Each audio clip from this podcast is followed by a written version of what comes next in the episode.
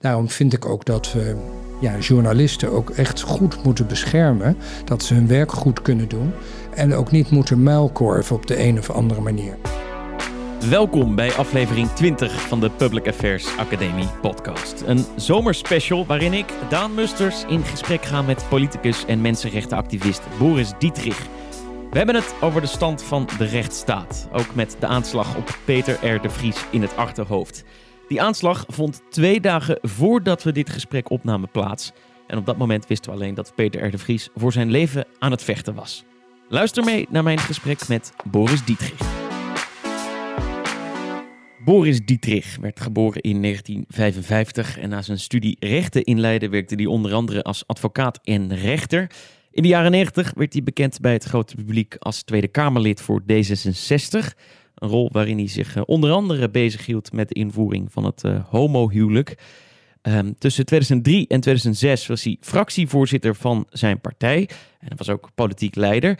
Um, en bij de functies legde hij naast zich neer toen de regering destijds, uh, waar toen ook uh, D66 aan, aan meedeed, besloot om over te gaan tot de Nederlandse militaire deelname in Oeruzgan. Iets waar Dietrich Veld tegenstander van was. Um, na zijn tijd in de Tweede Kamer ging Dietrich door met zijn strijd voor LHBT-rechten. En in 2007 werd hij Global Advocacy Director van het LHBT-rechtenprogramma van Human Rights Watch. Dit was hij tot 2018 en niet veel later um, werd hij Eerste Kamerlid voor zijn partij D66, wat hij dus overigens nog steeds is. En ook uh, belangrijk om nog even uh, te benoemen, naast politicus en mensenrechtenactivist is uh, Boris Dietrich ook nog schrijver van een mooi oeuvre aan fictie- en non-fictie boeken. meneer Dietrich, het was een, een hele inleiding, maar welkom in onze podcast. Dankjewel. we hebben afgesproken te gaan tutoyeren, dus dat, dat ga ik ook proberen. Um, Um, even beginnen bij het begin. Het, oorspronkelijke idee van dit uh, gesprek was om een nou ja, soort luchtig zomergesprek uh, te gaan, uh, gaan voeren. Um, ik had u gevraagd om een nieuwsmoment te selecteren. Ik had je gevraagd om een nieuwsmoment te gaan selecteren.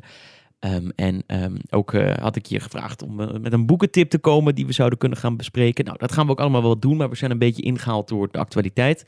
We nemen dit gesprek op, op donderdag op en afgelopen dinsdag werd er een aanslag gepleegd op het leven van Peter R. de Vries. Hoe het op dit moment met hem is, dat is onzeker. Um, hoe het op een moment is met hem dat we deze podcast uitbrengen, dat is ook, dat weten we nu ook nog niet. Maar wat belangrijk is, is dat u hem vrij goed kende. Hè? Ja, ik heb um, in een aantal zaken met Peter samengewerkt. Dat begint eigenlijk al in de vorige eeuw. Um, ik zat net even te denken, in 1999 bijvoorbeeld uh, was er een uh, zaak van een meisje in Groningen. Ze heette Anna Ruiter de Wild en ze was vermoord. Uh, de rechtszaak liep niet, zat helemaal vast, er was geen verdachte. En Peter R. Vries heeft toen, um, ik geloof ook uit eigen zak, um, een, een DNA-contra-expertise aan laten brengen.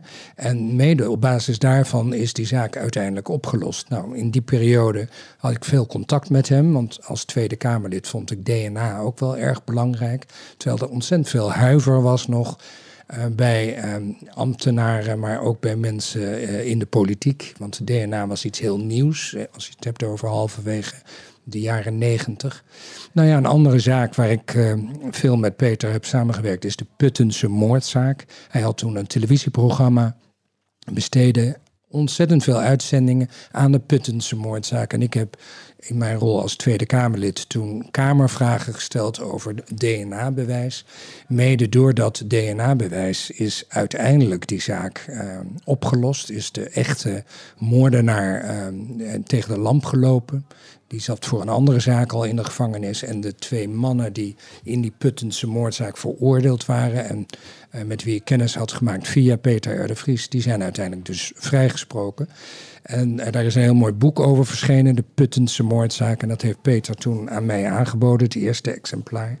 Nou ja, vanaf dat moment hebben wij in een aantal zaken samengewerkt. Ik als politicus en Peter als een grote inspirator, drijvende kracht. En zonder zijn volharding zouden heel veel zaken niet tot een oplossing zijn gebracht. Heeft u, heeft u hem ook de laatste tijd nog gesproken? Nee, ik heb hem um, al jaren niet meer echt uh, gesproken. Ik heb wel, u noemde in de in, inleiding al dat ik ook boeken schrijf. En mijn boek Moord en Brand gaat over een politieke moord in de Tweede Kamer. Het eerste exemplaar heb ik aan Peter aangeboden. En die kwam toen nog op zijn motor naar eh, de uitgeverij. En uh, nou, dat was een hele mooie bijeenkomst. Daarna heb ik hem nog een paar keer in een concrete zaak uh, gesproken, maar de laatste jaren niet meer. Ja, en dan komt in één keer dat verschrikkelijke nieuws van afgelopen Ja, dat, dat is echt een, een, grote schok. Nou ja, dat zegt iedereen natuurlijk ook nu. Maar het is ook echt ehm, ja, niet anders, denk ik, dan te plaatsen in de sleutel van de verharding van de georganiseerde criminaliteit in Nederland. Als je kijkt naar grote drugsorganisaties, hoeveel miljoenen die verdienen en hoe jonge kinderen eigenlijk al. Um, uh, ja, worden ingezet uh, om uh, ja, pakketjes af te leveren, om boodschappen te doen voor de georganiseerde criminaliteit. Dus het begint al echt op, ja, op tienerleeftijd. En dat zet zich alleen maar door. En, nou ja, we hebben natuurlijk een reeks moorden gehad.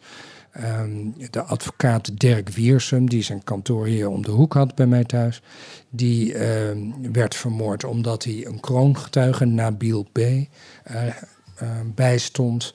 En de broer van Nabil B., die gewoon een garagebedrijf had en uh, helemaal niks met criminaliteit te maken had, werd vermoord. Allemaal uh, hoogstwaarschijnlijk om instigatie van een georganiseerde criminaliteitsbende. Ja, en Peter R. de Vries was nu uh, vertrouwenspersoon in die zaak van de kroongetuige Nabil B.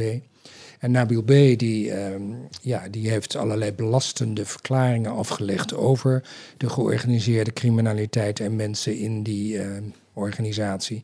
Dus uh, ja, het heeft er alle schijn van. Maar goed, we weten ja, dat we weten het niet, niet. Maar Ja. dat de georganiseerde criminaliteit hier een belangrijke rol speelt. En uh, ja, daar maak ik me ernstige zorgen over. Want uh, we hebben in Nederland toch altijd nog een beetje het idee dat wij een gezellig, lieflijk land zijn. Maar als je naar dit soort dingen kijkt en de macht uh, en de ondermijningskracht van uh, georganiseerde criminaliteit. Uh, ja, dan uh, moeten we ons zelfbeeld bijstellen. En dat betekent ook dat we uit een ander vaatje zullen moeten tappen om dit de kop in te drukken. En dan denk ik met name aan de hele keten in de rechtsstaat. Dus van advocatuur, van politie, van openbaar ministerie, van rechters, van gevangeniswezen. Het is een hele keten die moet versterkt worden. En dan echt niet uh, af en toe eens een beetje met uh, labmiddelen. Nee, maar we moeten daar echt een prioriteit van maken. Wat dat betreft um, ja, is het een voordeel dat er nu formatiebesprekingen aan de gang zijn. Dus ik hoop inderdaad dat uh, bij de formatie hier een topprioriteit aan gegeven gaat worden. Ja, want um, ik denk dat dat, um, dat was ook het, het oorspronkelijke idee eigenlijk al Ja. van dit gesprek, interessant genoeg. Um, wij, wij hebben wat mailcontact gehad over waar zullen we het over gaan hebben. Nou, dat waren allemaal thema's die al raakten aan de rechtsstaat. En nu gebeurt dit. En dat is, ja, uh, als ik uw woorden mag samenvatten, ook een, een soort aanval op de rechtsstaat. Dat, dat Absoluut, was ja. Dat, te lezen in de krant. Ja. Ja, en um, ja, nog eventjes over Peter, die ik dus uh, ja, al 25 jaar ken. Um, dat is toch zo'n man met volharding. Dankzij hem um, zijn er ook een aantal zaken echt opgelost. Ik noemde net al eventjes de Puttense moordzaak. Maar er zijn ook zaken die niet zijn opgelost en waar het grote publiek niet van weet, maar waar ik met hem heb samengewerkt. Ik noem even de verdwijning van Cheryl Morrian. Dat is een meisje die in uh, 1986 buiten ging spelen in IJmuiden en plotseling verdween. Uh, nou, Peter R. de Vries heeft op de achtergrond ontzettend veel tijd en moeite in die zaak besteed om uiteindelijk de, ja, de vermoedelijke moordenaar uh, te achterhalen. Uh, ja, en hij had ook heel veel contact met uh, nabestaanden van uh, mensen die vermoord waren. Uh, Nicky Verstappen is natuurlijk een ander voorbeeld. Daar heb ik ook uh, met Peter uh, samengewerkt. Want ik heb een initiatiefwet geschreven. Niet alleen om de verjaringstermijn bij moord op te heffen. Maar ook om spreekrecht voor slachtoffers en nabestaanden in de rechtszaal mogelijk te maken. Nou ja, die wet is uiteindelijk uh, aangenomen. In werking getreden. En bijvoorbeeld in die zaak van Nicky Verstappen heeft de moeder van Nicky uiteindelijk in de rechtszaak nog het woord kunnen voeren en uitgebreid um, gebruik gemaakt van dat spreekrecht. En Peter Erdevries zat naast haar. En toen ik dat op televisie zat, moest ik weer aan onze samenwerking denken. Toen ik dat wetsvoorstel hier aan deze tafel schreef. Um, dacht ik, ja, die man heeft zoveel invloed gehad op de rechtsstaat in Nederland. Dat is fantastisch. Dus ja, terwijl we nu spreken, leeft hij nog en wordt er gezegd dat hij vecht voor zijn leven. Ik hoop zo uh, dat dat uh, goed gaat aflopen. Um, premier Rutte die, um, die, die sprak van een aanval op de, op de vrije journalistiek. Um, u, u, bent ook mensenrechtenactivist. als we het hebben over de rol van de journalistiek in, in de rechtsstaat, hoe belangrijk is dat? Hoe, hoe kijkt u daarnaar? Ja, de journalistiek is essentieel. Het is een soort waakhond uh, voor de rechtsstaat. Uh, met name onderzoeksjournalisten. Ja, want je hebt natuurlijk verschillende soorten journalistiek. Ik heb het dan echt over journalisten die zich ergens ingraven. Zoals Peter R. de Vries dat dan op misdaadgebied deed. Heb je natuurlijk journalisten die andere uh, ja, dingen op graven. Denk bijvoorbeeld aan de uh, kindertoeslagenaffaire. Daar heb je ook uh, Pieter Klein bijvoorbeeld als journalist die er helemaal in is gaan duiken. En die ja, halen dingen naar boven waar uiteindelijk een enorme politieke uh, gevolgen aan verbonden zijn. En hopelijk ook dat de rechtsstaat daar zijn voordeel mee kan doen. Dus zonder onderzoeksjournalisten zou de kwaliteit van ons land aanmerkelijk minder zijn. Daarom vind ik ook dat we ja, journalisten ook echt goed moeten beschermen. Dat ze hun werk goed kunnen doen. En ook niet moeten muilkorven op de een of andere manier. En soms zie je toch dat er wetsvoorstellen zijn. Uh, waarin uh, soms met goede bedoelingen, maar dat toch gebeurt. Ja, ik denk uh, dat u. Ik, ik, denk dat ik weet waar u op doelt. Um, ik, ik, had u in de aanloop naar dit gesprek al gevraagd. Kunt u een, een nou ja, kunt u eens een nieuwsmoment uit het afgelopen jaar selecteren waar we het, waar we het over kunnen gaan hebben? Uh, dit, dit nieuwsmoment. Uh, u, u doelt op de, op de wet van minister Grappenhaus om um, het reizen naar en het verblijven in gebieden die onder controle staan van terroristische organisaties aan banden te leggen. Hè? Um, nu hebben we tot nu toe heel erg gehad over nou ja, de, de, de, de, hoe journalistiek uh, werkt of hoe journalisten hun werk moeten doen als, ze, nou ja, als ze risico lopen, bijvoorbeeld van eh, de, door de georganiseerde misdaad. Dit gaat heel erg over nou ja, de rol en de onafhankelijkheid van journalisten ten opzichte van de staat. Hè? Dus dat is weer een andere, andere uh, dimensie. Even, even bij het begin beginnen. Die, die wet, kunt u eens uh, vertellen wat die wet precies inhoudt? Ja. Um, het is een wetsvoorstel van minister Grapperhaus door de Tweede Kamer aangenomen. Dus het ligt op mijn bordje als senator in de Eerste Kamer. Um, het gaat erover dat er uh, gebieden zijn in de wereld, denk aan uh, het noorden van Syrië bijvoorbeeld, waar op een gegeven moment uh, terroristen het voor het zeggen hebben.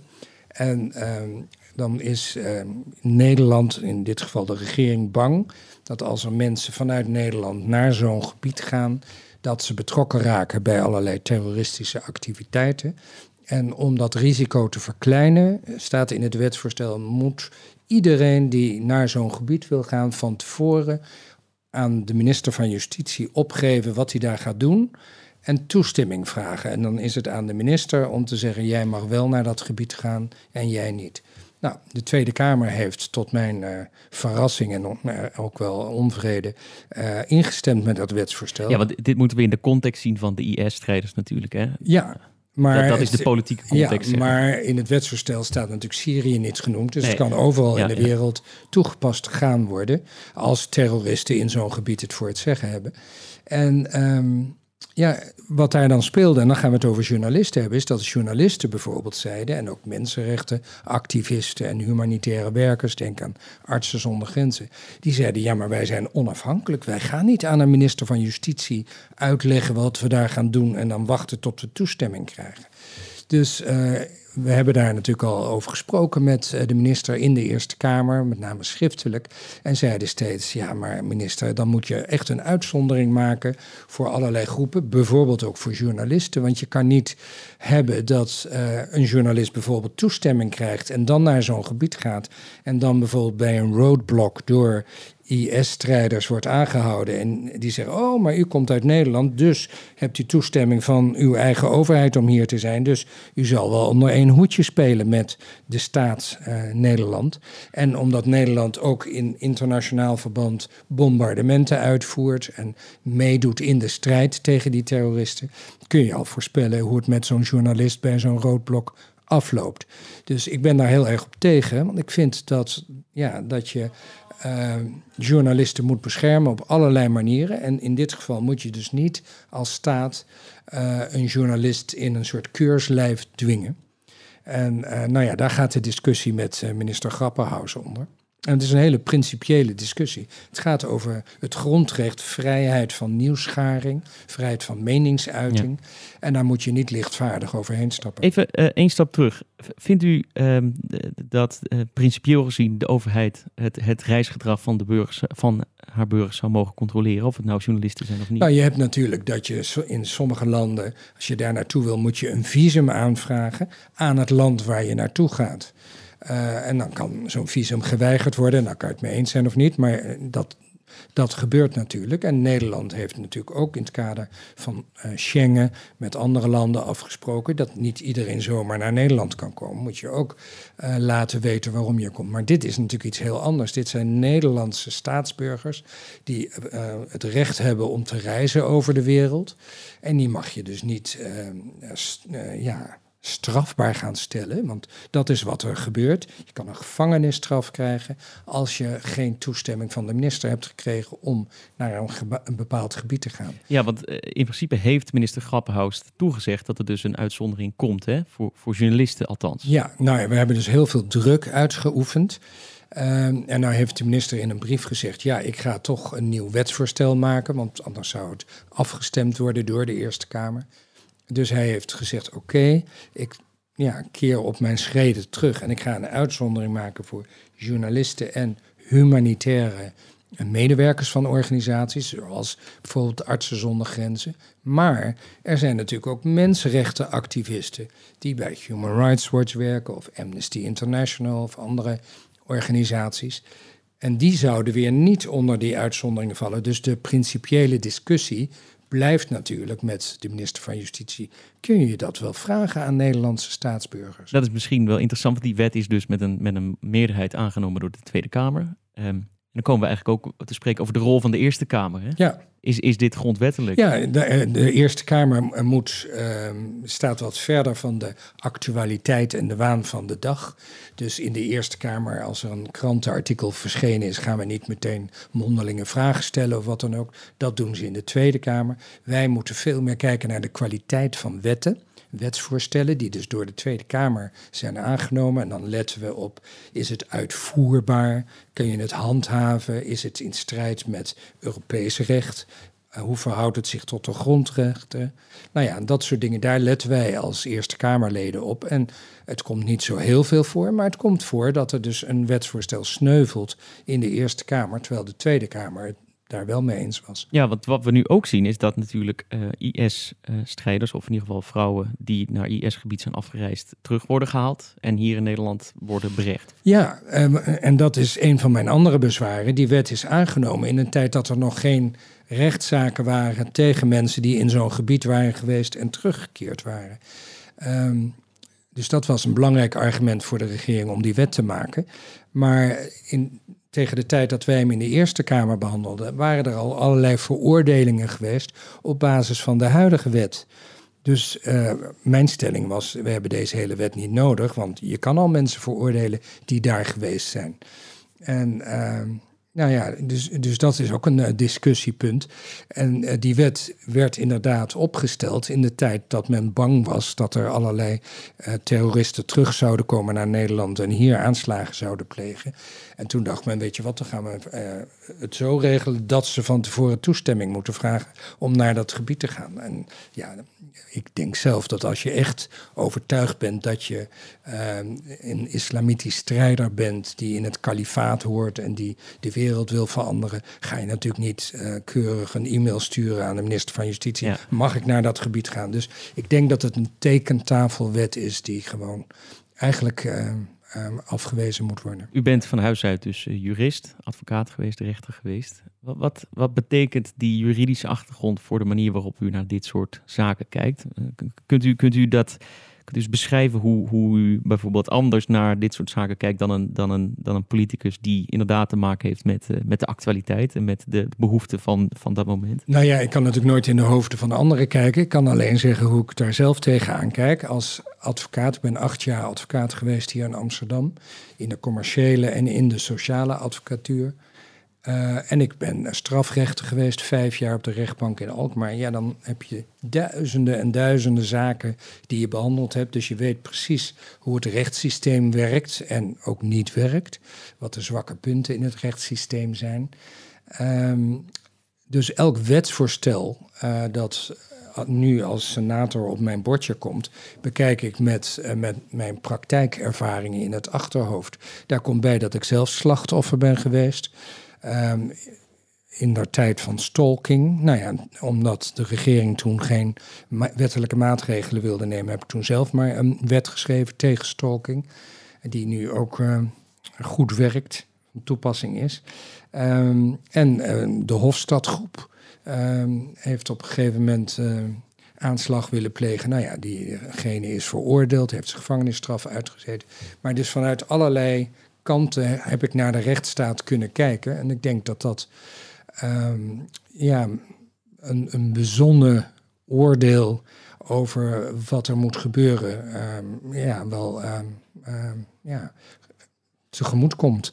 En ik denk dat ik daardoor ja, wel weet wat er aan de hand is. Ik heb ook natuurlijk veel contacten in de hele keten van de rechtsstaat. Dus het is voor mij vrij makkelijk om politiemensen te bellen of officieren van justitie of rechters, of, uh, de reclassering, noem maar op. En uh, ja, dan krijg ik toch al heel gauw uh, vanuit de praktijk te horen hoe men tegen een wetsvoorstel aankijkt. Um, naast dat ik u, had gevraagd om een, een, een, nieuwsmoment of een, ja, gebeurtenis te selecteren uit het afgelopen jaar, wilde ik eigenlijk ook graag een boek bespreken. Een boek dat mensen zouden kunnen gaan lezen op, op vakantie. En ook, uh, nou, die boekentip had u eigenlijk al voorgesteld voordat uh, de gebeurtenissen van afgelopen dinsdag uh, nou ja, plaatsvonden. Um, want het is het boek um, De Deventer Moordzaak van, van Bas Haan. Ik zie hem, ik zie hem daar ook, ook liggen.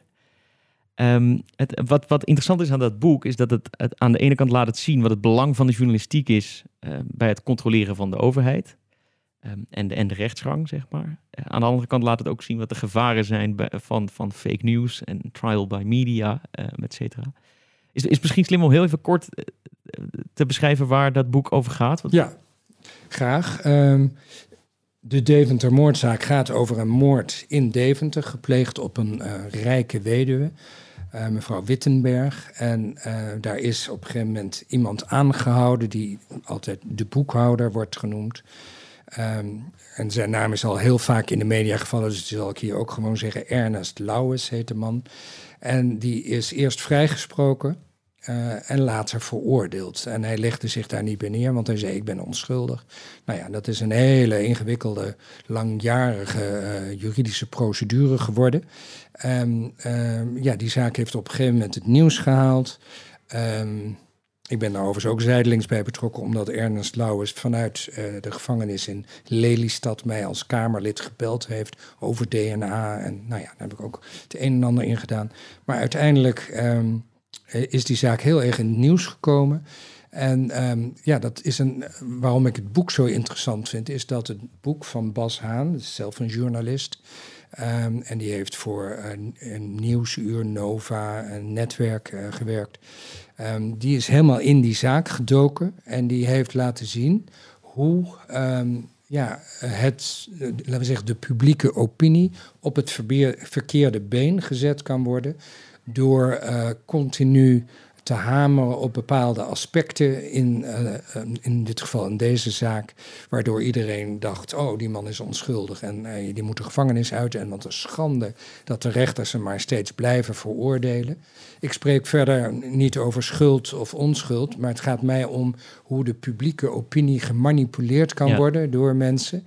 En, ehm, wat, wat, wat, wel belangrijk om te benoemen is nog dat de, op een gegeven moment kwam er ook een, een andere mogelijke dader in het spel. Hè? Ja, uh, dat althans was... niet zozeer bij justitie. Justitie heeft ook een ander, de klusjesman wordt hij genoemd onderzocht, maar besloten, ja, die man uh, is geen verdachte meer.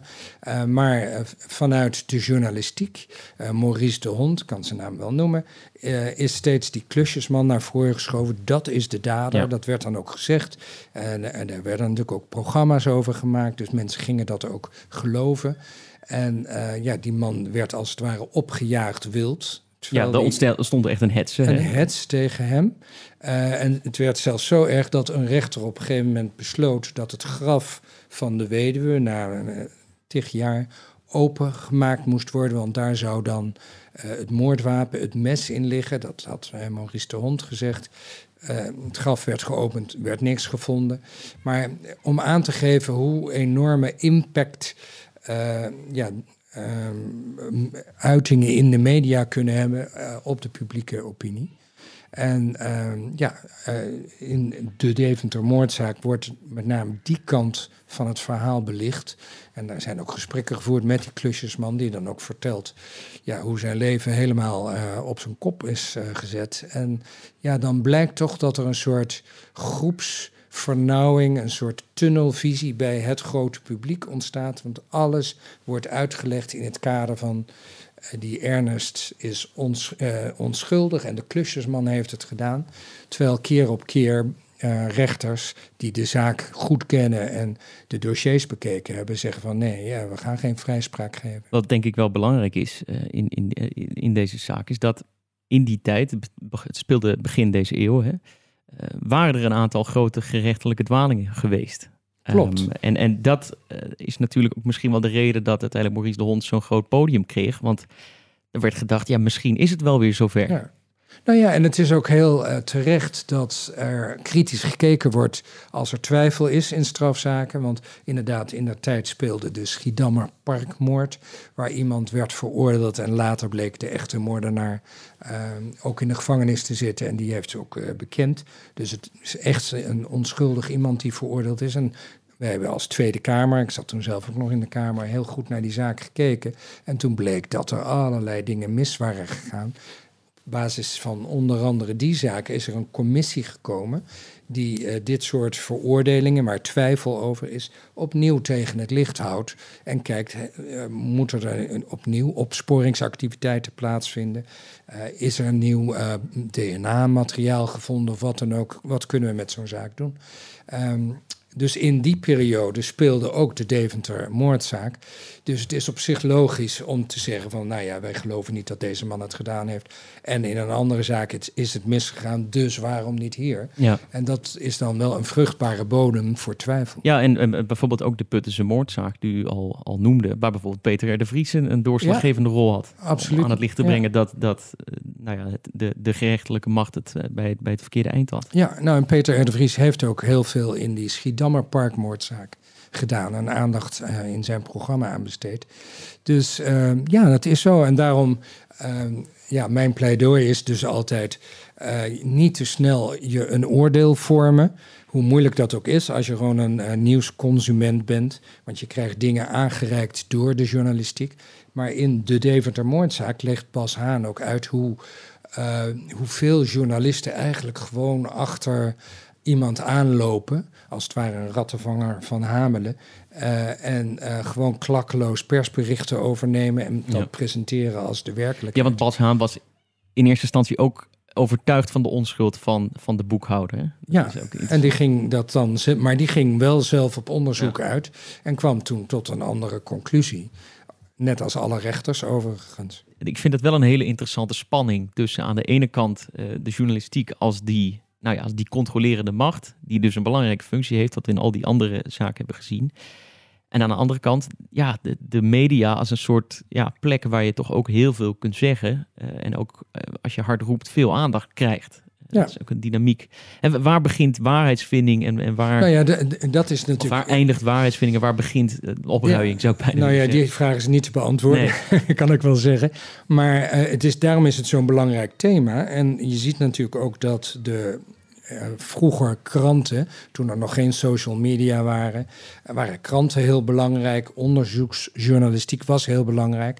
Maar ja, nu heeft iedereen zo zijn eigen kanaal en kan alles op het internet kwakken en iedereen kan van alles lezen. Dus dat betekent dat commercieel gezien het voor kranten veel moeilijker is te overleven. Die gaan uh, bezuinigen, uh, journalisten gaan weg, mensen worden meer uh, ja, als ZZP'er ingeschakeld onderzoeksjournalistiek is duur, want je moet iemand die kennis van zaken heeft vrijmaken. En die is soms weken, maanden, misschien wel jaren bezig met een bepaalde zaak. Nou, dat is nauwelijks meer te doen.